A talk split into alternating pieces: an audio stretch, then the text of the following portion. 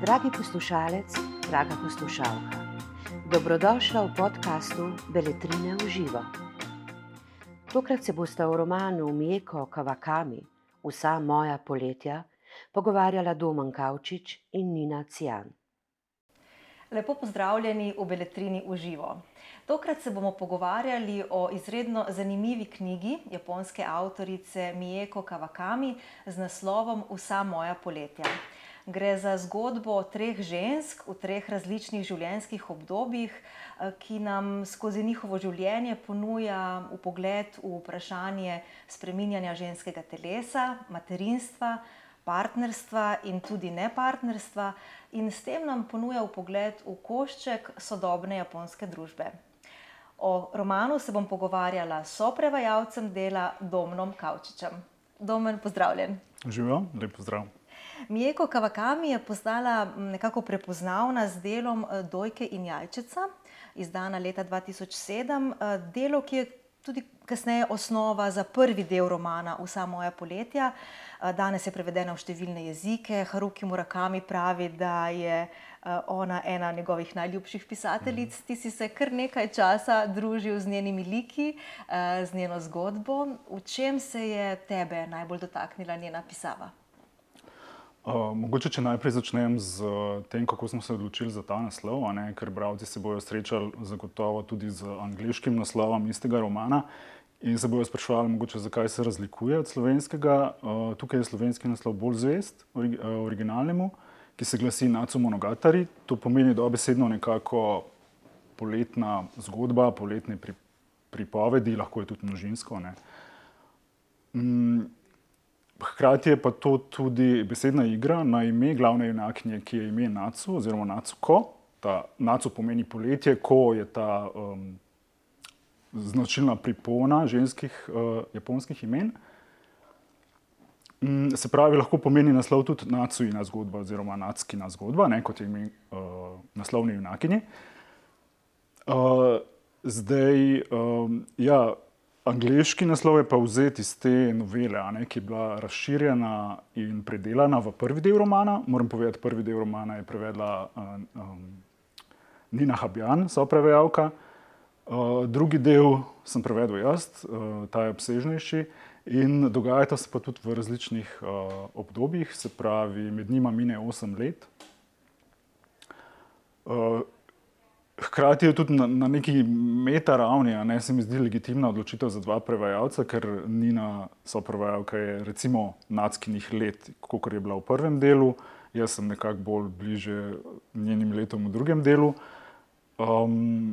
Tako da to je bila, ja, zanimiva odločitev za dva prevajalca. Zdaj, se razlikujeta ta dva dela, ne, v, v tudi v načinu pisanja. zdaj tudi to se povezuje, a ne, z glavno junakinjo, ki se trudi postati pisateljica v prvem delu, v drugem delu jo pa srečamo že kot uveljavljeno pisateljico, ki se preživlja s pisanjem in literature in kolumen in tako naprej. Zdaj moram povedati, da se je mene dotaknilo, ne, kot ste vprašali, najbolj ta neka, zelo neka prvinska surovost njene pisave. v prvem delu je še, to se mi zdi še bolj, očitno, v drugem delu je nekako bolj že izpiljeno. Še vedno me je pa pretresla ta cela arhitektura, kako je zgrajeno poglavje, recimo. Tukaj imamo različne, od, od dialogov, potem imamo neka filozofska razmišljanja, ki se ponavadi ob koncih poglavij nekako, sprevržejo v neka ali halucinacije ali neko, neke mogoče tudi pijane blodnje ali sanje. In kako je to zgrajeno, se mi zdi zelo, zelo zanimivo, no. Na neki način, prepleta različne stile, zelo hibridno, in prav s tem ustvarja neki poseben, ritem dela, kot tudi avtorica sama, poudarja na različnih pogovorih, da je zelo velik pomen dala prav ritmu. Kako težko je bilo ta ritem, iz japonščine potem prenesti, prevesti v slovenščino? Ja, tukaj je še ta moment, ne, da dialogi, so napisani v dialektu, se pravi, ta, Natsko in njena sestra in sestrina hčerka, se pravi Natskina nečakinja, so vse iz, Osake. se pravi, to je južno od Tokija, um, ki ima svoj značilen dialekt. In uh, Mijeko Kavakami se je to, um, je to poskušala prenesti. Ta dialekt ni, uh, uh, običajno ni zapisan. Tako da tukaj je ona morala tudi uh, poseči po neki inventivnosti. Ne? Uh, zdaj, in tle v tem se kaže tudi ta ritem. Um, uh, Osaško del, uh, narečje je zelo spevno, nekako, uh, tudi bolj na nek način uh, surovo, kako bi rekel. Uh, zdaj, tukaj smo se mi odločili, da, bomo, da ne, bi mogli, uh, ne bi bilo pravično do, pač do slovenskih bralcev, da to uh, prelijemo v nek slovenski dialekt, ki ima svoje neke um, stereotipe ali pa um, mogoče kako, kako, ga, kako ljudje na njega gledajo. Uh, Ostaško ne rečemo pa spet svoje. Uh, tako da tukaj smo skušali z, z, pač z bolj splošno pogovornim ali pa tudi slengovskim izrazjem um, to nekako poustvariti ta ritem. Uh, zdaj, kar se tiče pa teh raznih menjav uh, uh, iz, iz nekih razmišljanj, uh, notranjih monologov, pa uh, potem dialogov. Ne, uh, je bilo, mislim, glede na značilnosti obeh jezikov, slovenščina, mislim, da malo teže prenaša prekratke stavke, ne, mislim, da je malo težko brati. Uh, tako da v tem, uh, v tem smislu ne bi rekel, da, čist, da je bilo čisto enostavno to preslikati. Uh, se mi pa zdi, da smo ujeli nekako tudi z raznimi uh, uh, pač, uh, postopki, ta, recimo pač, um, ležeč, uh, ležeči tisk, uh, razni pomišljaji in tako naprej. Se mi zdi, da smo na nek način skušali skušali in da nam je uspelo postvariti ta ritem. No. Eh, zelo dobro vam je uspelo postvariti ta ritem. Knjiga uh, se zelo tekoče bere. Jaz sem jo prebrala skoraj da na dušek. Um, če greva k temu drugemu delu, uh, kateremu ste se vi posvetili, um, nekako je glavni poudarek na tej protagonistkini želji po eh, imeti otroka. Ampak nekako se zdi, da njena želja ne izhaja toliko iz nekega dolgotrajnega partnerstva, um, ampak bolj zdi se iz nekega strahu pred osamljenostjo, tudi zavedanju minljivosti, um, mogoče tudi odtujenostjo. Uh, in nekako skozi cel ta drugi del govori.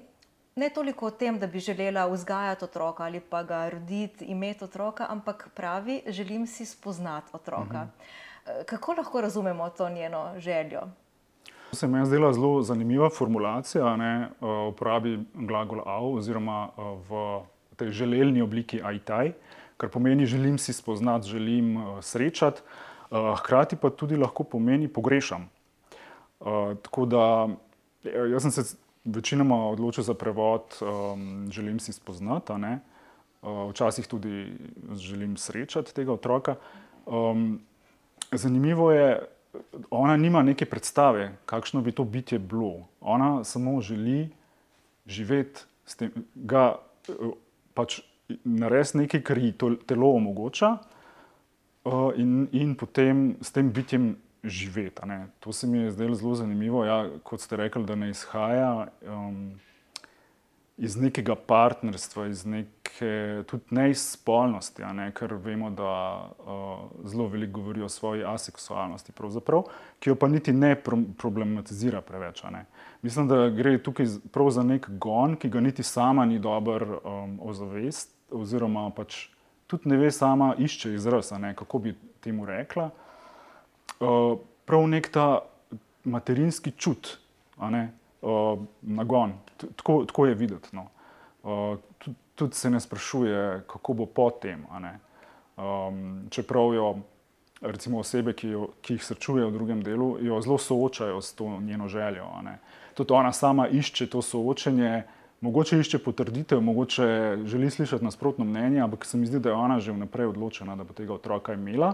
Čeprav tudi sama ne verjame, čist, da je boratelj. Nekako je potrtano, zdi se nekako potovčena od življenja. Čeprav ja, vemo sicer, da je imela nekoliko okrnjeno otroštvo, uh, ne vemo pa čisto dobro, odkud ta njena potovčenost od sveta izhaja. Tako kot ste omenili, da se v drugem delu sooča z različnimi um, ostalimi liki in nekako išče potrditev. Um, na eni strani je mogoče potrditev te njene želje, ker povejva, da si želi um, nekako tako do skrajnosti pripeljati to svojo željo, tudi da bi imela otroka um, preko darovane celice. Ja, ja. Um, in liki jo soočajo z različnimi odzivi. Koliko pravzaprav ona da na te odzive, ali je tako zelo trdno prepričana uh, v to svojo željo, da nekako.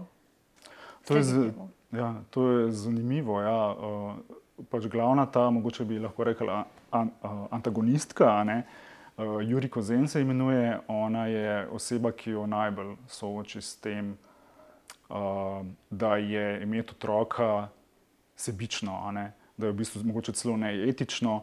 Uh, to je ena, ta oseba je, ima zelo antinatalistična stališča, se pravi, razmnoževanje je nekaj, kar ne bi smel človek več početi, ker je toliko ker povzroča samo trpljenje. Se pravi, ta Juri Kozen izhaja iz, uh, iz neke pač negativ, negativnega odnosa. Ne. Medtem ko Nacko sama se pa zdi, da ima vse, čeprav sama ne ve zakaj, ima ta pozitiven odnos. Rada bi mogoče ustvarila novo bitje, glede za to, da bi bilo temu, temu bitju bolj, boljš na svetu, kot je bilo v njej. Mm. Zdaj, ja, srečuje se pa še z drugimi, veliko velik se pogovarja z, z bivšimi sodelavkami, z, z ljudmi, ki jih sreča. Um, in vsaka je po svoje, čeprav imajo negativne izkušnje, recimo z, z otroštvom ali pa z um, starševstvom ali kakorkoli jo nekako ne premakne. Glede zato mislim, da izhaja iz nekega um, globokega mesta, ki ni ozaveščeno, ne, ta želja po otroku.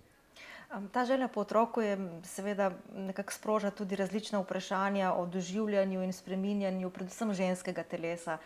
Tudi avtorica pravi, da razmišljati o telesu pomeni razmišljati o minljivosti, o času, tudi o smrti. Kako se to še kaže skozi roman? Zdaj, Mirko Kavakami je sama povedala, da je zasnovala ta roman tako, da uh, se tri glavne protagonistke, se pravi Nacko, njena sestra Makiko in sestrina hčerka Midoriko, naredijo tako rekoč en krok. Ne? Osem let mine med prvim in drugim delom. Uh, se pravi, en krok v življenju, kjer, kjer se pač neke stvari, ki so pomembne, premaknejo do drugim, a ne prioritetam tako da že ta zasnova romana je taka, ne, dvodelna. Um, potem veliko je govora, ne, ker Makiko, se pravi, Natskina sestra, je od nje, recimo, mogoče celo eno generacijo starejša. Uh, tako da se ona sooča z, z drugimi spet uh, uh, telesnimi spremembami. Mm, se pravi, ja, razmišljati prav ta stavek je uporabila, ne mi je kot kavakami v intervjuju, da m, mm, razmišljati o, o telesu pomeni razmišljati o času. Ne. Konkretno vidiš, kako čas mineva in se ti spremenjaš s tem. In je tudi zelo iskrena v opisovanju telesa. Ne. Um, res pred ničemer se, ničesar se ne ustrašijo. Ne. Uh, imamo prizore v kopališču, recimo, ne, kjer so zelo uh, na tapeti, kakšni ženski deli telesa. Um, tako da. Zelo ja. iskreno in surovo. ja, ja, ja, bi rekel. Ja. Um, zgodbo spremljamo eh, večinoma skozi žensko perspektivo. Uh mhm. -huh. Moški so nekako odrinjeni na obrobje, večinoma povezani eh, z nasiljem, tudi z alkoholizmom. Koliko prav to, kar, um, kar spremljamo v romanu, nekako odseva tudi mogoče del sodobne japonske družbe? Ja, zanimiva je ta njena uh, zelo negativna uh, perspektiva do moških. No, iz vseh, praktično iz vseh uh, likov ženskih veje to neko razočaranje do moških. Uh, od zlorab do psihičnih, fizičnih uh, odsotnosti, uh, alkoholizma in tako naprej. Mm,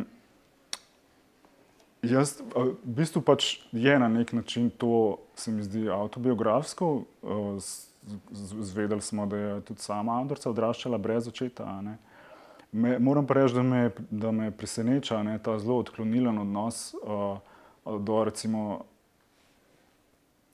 Pač imeti otroka sam ali z nekim moškim, sploh, sploh ne pride v enačbo, uh, nikoli nek moški. Ne. Ta neka druga njena prijateljica, s katero se veliko o tem pogovarja, ki je uh, um, Rika Jusa, ne, je tudi sama pisateljica um, in ima tudi hčerko, spet je hčerka, ne, uh, sama. Ne? In pravi, um, ona pravi prav, za, uh, za, za imeti otroka danes, hvala Bogu, ni več potrebna, potrebno se ukvarjati z, moško, z moškim poželenjem, dovolj je že ženska želja po imeti otroka. Um, zdaj, to je zdaj vprašanje, kako to odseva japonsko družbo. Meni se zdi, da jo kaže v precej slabi luči. Uh, jaz moram reči, da sam takih izkušenj nimam, verjamem, da je mogoče za koga resnična. Um, kaj vem, sem razmišljal o tem, recimo, mogoče, mogoče pa pomankanje komunikacije, uh, mogoče je uh, pač neko nerazumevanje. Uh, Ali pa kot je rekla moja babica, mogoče pa moški in ženski sploh niso za skupaj. Mogoče se to ne zdi. No, ko ste um. ravno to omenili, en, en citat, um, ki zelo nazorno opisuje prav to, o čemer smo zdaj govorili. In sicer pravi tako: Po mojem se enkrat daleč v prihodnosti, ko bodo ženske nehale rojevati ali pa bodo izumili tehnologijo, da žensko telo za to sploh ne bo več potrebno, samo čudili tej naši modni muhi, da si moški in ženske delijo dom. Mhm. Ja, to, to je prav citat te uh, Rike Juse, ne, prijateljice Nacki. Ne. Mm, in ona tudi, ona sama pove, da je odraščala brez očeta, in, in tudi ona sama reče, mogoče imam zaradi tega predsotke do moških. Ne. Mogoče se ravno v tem, mogoče je nek razlog v tem, ne. se pravi odsotnost, poman, posledično pomankanje komunikacije in pomankanje razumevanja in posledično predsotki. Ne. Um, koliko je mogoče to danes posledica tudi nekega, predvsem na japonskem, recimo zelo uh, visokega tehnološkega napredka, neke odtujenosti, uh, nenehnega dela, kolikor beremo, uh, gledamo dokumentarce z tega področja, je tukaj tudi kakšna povezava? Uh, sigurno ne prispeva k, k nekemu večjemu druženju v živo, ne, ta nova tehnologija.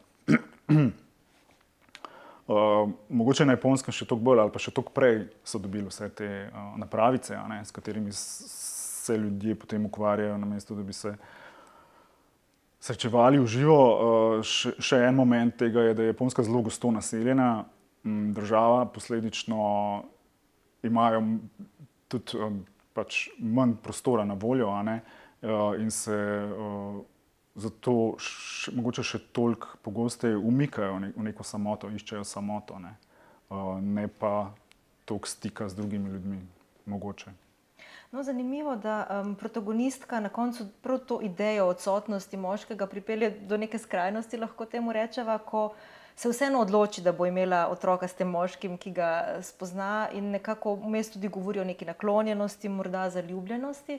Ampak um, potem nekako izvemo, da si pravzaprav z njim ne želi živeti in tudi otroka si želi vzgajati sama. Uh mhm. -huh. kaj, kaj, kje bi lahko iskali razlog za tako radikalno odločitev?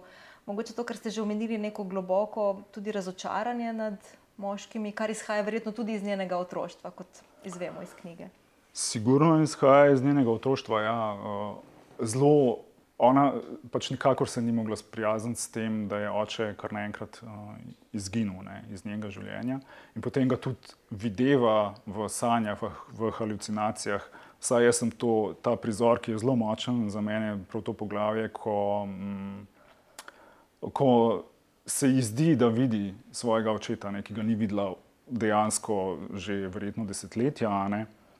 Um, kako tam, uh, uh, kako je eden od tistih, mislim, da so to smetarije, ne, ki čistijo te pepelnike javnih, uh, na javnih površinah in kako jemlje tiste čike razmočene iz pepelnika in jih užema, ima potem tiste katranaste roke in tiste črne oči, ki žarijo in jo vrtajo in tako naprej.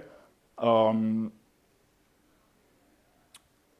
se pravi, ja, videti je, da jo je zelo prizadela ta izkušnja ne, izgube očeta. Mm, mogoče misli, da bo ona temu otroku prihranila nekaj tazga, kot je sama doživela. No. Uh, kot ste rekli, ja, dejansko pravi, da se je zaljubila v tega Džuna Ezavo, uh, ki je mogoče skoraj edini, mogoče simpatičen moški lik v tem, uh, v tem delu, če vemo, kako se sreča z darovalcem potencijalnim semena. Tista, tisti prizori so res. Um, človeku se mažalo, da se obrača mogoče. Um, ta Džuna Izava pa ja, pravi, da se je zaljubila v Anga, mm, ampak hkrati ve, da mu ne more dati uh, tistega, kar, kar misli, da bi on želel, ne se pravi. Uh, ta njena aseksualnost je mogoče uvira, ne? mogoče je tudi to ena od teh uvira. Um, se potem zmenita, ne, da bo še vedno bo sodeloval pri vzgoji tega otroka, ampak nekako nekak, uh, bi želela to narediti sama. Ne. Uh, ne dobimo jasnega odgovora na to. No, zanimivo poveva še to, ne, da je ona um, ta, tega njenega potem potencialnega partnerja spoznala prav preko neke organizacije, kjer se je um, želela pozanimati o. Um, Točno, ja. ta Džuna Izava je v bistvu um, pripada enemu združenju uh, otrok, uh, potomcev, darovalcev semena. Tako da vsi ti otroci so bili na japonskem spočeti ilegalno, to ni bil legalni postopek. Uh, Zatorej tudi ni nekih sez, uh, pač seznamov teh darovalcev in otrok ne more vedeti, kdo, je, uh, kdo je njegov oče. Ne. In zanimivo je, da ta Džuna Izava uh, kot ste rekli, sam išče svojega očeta, zelo, ga, zelo trpi zaradi tega v življenju. Mm, in kljub temu se nadsko uh, odloči, da bo tega otroka, sicer bo ta otrok bo poznal očeta. Um, to mi je kar presenetljivo, da v bistvu, uh, kot da ne bi. Kot da ne bi tega, ne bom rekel, dobro, dobro razmislila, ampak moram se, po mojem, spet vrniti na tisto, ne, da je to pač nek gon, ki ga ne more ustaviti. Ne. Neka primarna želja, ja. ki je večja od ja, nas ja, samih. Ja. Ne, ne moremo ga eh, tako razumsko zaobjeti. Ja, ja. Mogoče se dotakniva samo še um, ene teme, ki nekako tli pod to glavno zgodbo. To je um, tema revščine oziroma pomanjkanja, um, ki jo na nek način tako na prvo žogo ne povezujemo z Japonsko, ampak je, tam je. Uh. Kako se kaže, poleg tega, kar ste že omenili, recimo, da izhaja Nacko iz neke družine, precej revne, ampak tudi kasneje nekako um, čutimo, že v prvem delu in kasneje tudi v drugem delu, to neko, nek boj za življenje, za boljše življenje. Uh -huh. Um, zanimivo je to, da.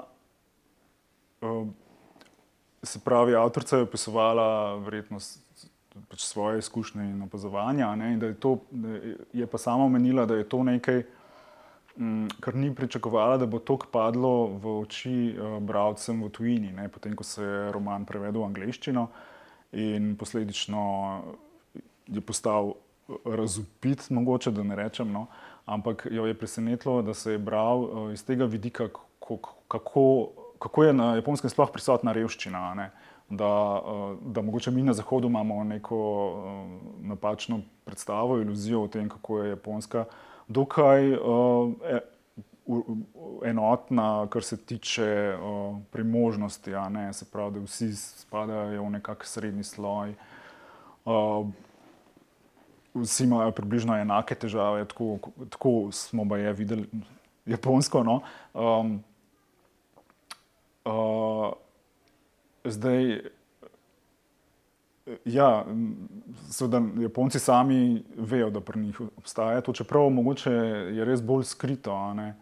Uh, niso pač neke ločene četrti, ne, ki bi rekli, to je revna četrt, to je bogata, ampak je um, razlojenost nekje bolj prikrita, no, ni tako uh, razmejena. Mogoče. Um, Ja, se tudi, ja, v bistvu se začne knjiga že sama z, s, s tem poudarjanjem, kako je, kako je drugače, kako postaneš drugačen človek, verjetno, če odraščaš revena.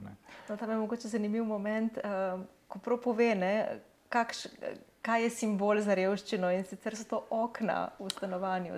Ja, to je ena od tistih res zanimivih primerov, no, uh, ki se mi zdi, da pač je v, v delih japonskih avtorjev za nas to bolj sveže. No. Uh, ja, okna. Ja. Hiša, ki ima malo okna, je revna. Ne. Oziroma, zelo velik, eh, zelo, zelo podrobno gre v to eh, razdelovanje, kaj je sploh za nekoga okno. Za reveže je okno tam nekje skrito za nekim hladilnikom, za neko omaro. Ne. Eh, bogataši imajo velika svetla okna s pogledom na vrt in tako naprej.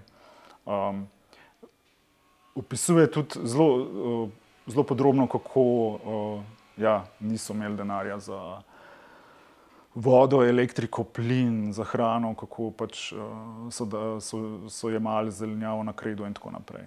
Tako da, mm, tudi potem, a ne na koncu, pride ta tema uh, v spredje, ko, uh, ko se pojavi kot še en protirazlog, zakaj sam imeti otroka, ne, ne pa s partnerjem. Uh, biti samohranilka je zelo težko. In, uh, na japonskem si še to jemljem citat iz knjige, če si še pari težko prvošče otroka, kaj šele, uh, kaj šele samohranilka. Um, in kljub temu se ona odloči, ne, striktno, da bo, da bo že sama poskrbela za to. Tako da tle gre za nek, tudi za nek, očitno neko dokazovanje. Ne. Če se ne motim, prav omeniti, da tudi želi finančno sama ja. poskrbeti ja, za otroka. Ja, ja, ja. No, že prej ste omenili eh, nekaj te recepcije knjige na japonskem in na zahodu. Um, verjetno gre za drugačno sprejemanje eh, dela. Ne? Knjiga je bila na japonskem izdana 2019 in takrat jo je nekako kar ponesla v slavo. Uh, kako drugače se vam zdi, da so knjigo sprejeli na japonskem, kot, kot jo beremo, recimo mi? Zdaj, iz osebnih izkušenj moram povedati, kot sem se pogovarjal z prijatelji, ki so v glavnem Tokičani. No, uh, je eni niso mogli preba, prebaviti, ravno zaradi tega vključevanja vsaškega narečja. Ne. Um, nekako se jim je zdelo ali ne potrebno, ali sploh niso mogli. Uh, mislim, da gre tudi za nerazumevanje, um, ker je zna biti precej različno no, od tokijskega.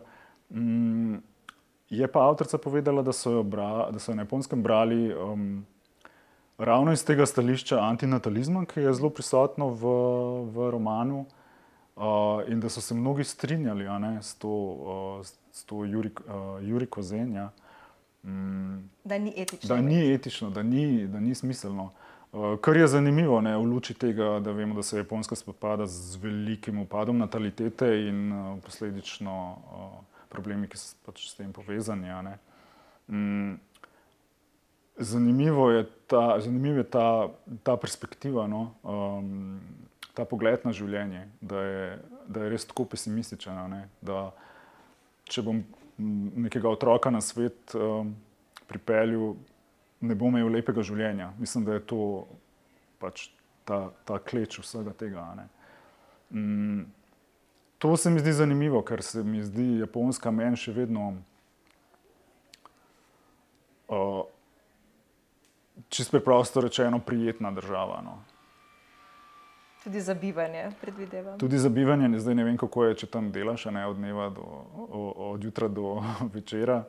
Verjetno ne, ampak je, je, veli, je zelo poskrbljeno no, za vse vidike udobnosti ne glede na vse, uh, Nacko se vseeno odloči, da bo otroka imela, in uh, tudi sama knjiga se zaključi z zelo ganljivim prizorom mm. uh, poroda in tudi rojstva.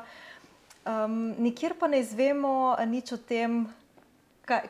Njenega pogleda v prihodnost, nikjer se ne sprašuje, kakšen starš pravzaprav bo. Uh -huh. uh, pa mogoče, če s tem zaključiva uh, tudi ta najmen pogovor, se pravi, z nekim začetkom. Jaz mislim, ja, da, da izhaja ravno iz tega, da je v bistvu tle čutiti ta žarek upanja. Uh, ona se ne sprašuje, ona ve, po mojem, ve, da bo pač uh, življenje tega otroka lepo. Pa, tudi če ne bo, ga bo ona ustvarila. Jaz mi zdi, da pač izhaja iz neke iz neke te želje omogočiti nekemu bitju res lepo življenje. Ne. Uh, nasprotno od, od, od, od Juri Kozen, ki pa izhaja ravno iz nekega obupa nad življenjem, ne, ker je imela pač take slabe izku, izkušnje v življenju. Mm. Tako da, ja, mislim, da se zaključi optimistično. Ne. Čeprav ne izvemo, ne izvemo niti o njenih misli o tem, kako bo biti starša. Mm. Jaz mislim, da ona verjame, da bo pač. Uh, ker, ker vidimo recimo tudi v, v interakciji z hčerkico od njene prijateljice, pisateljice, kako je ona v bistvu nežna, kako, je, kako, je, kako veliko ji pomeni stik z otrokama. Uh, Tisti prizor se mi je močno vtisnil v spomin, kako objame tega otročička in kakšne, kakšne predstave se ji porodijo ob, ob vonjanju njene kože, ne, od te deklice. Mm. Tako da jaz verjamem, da bo uh, nežna in dobra mama. Vsekakor uh, knjiga vredna branja. Domen, hvala lepa za pogovor. Hvala vam za povabilo. Vam pa hvala lepa za pozornost. Do naslednjič. Najlepša hvala za vašo pozornost. Za več knjižnih vsebin vas vabimo na www.beletrina.si in v našo knjigarno na Starem trgu 3 v Ljubljani.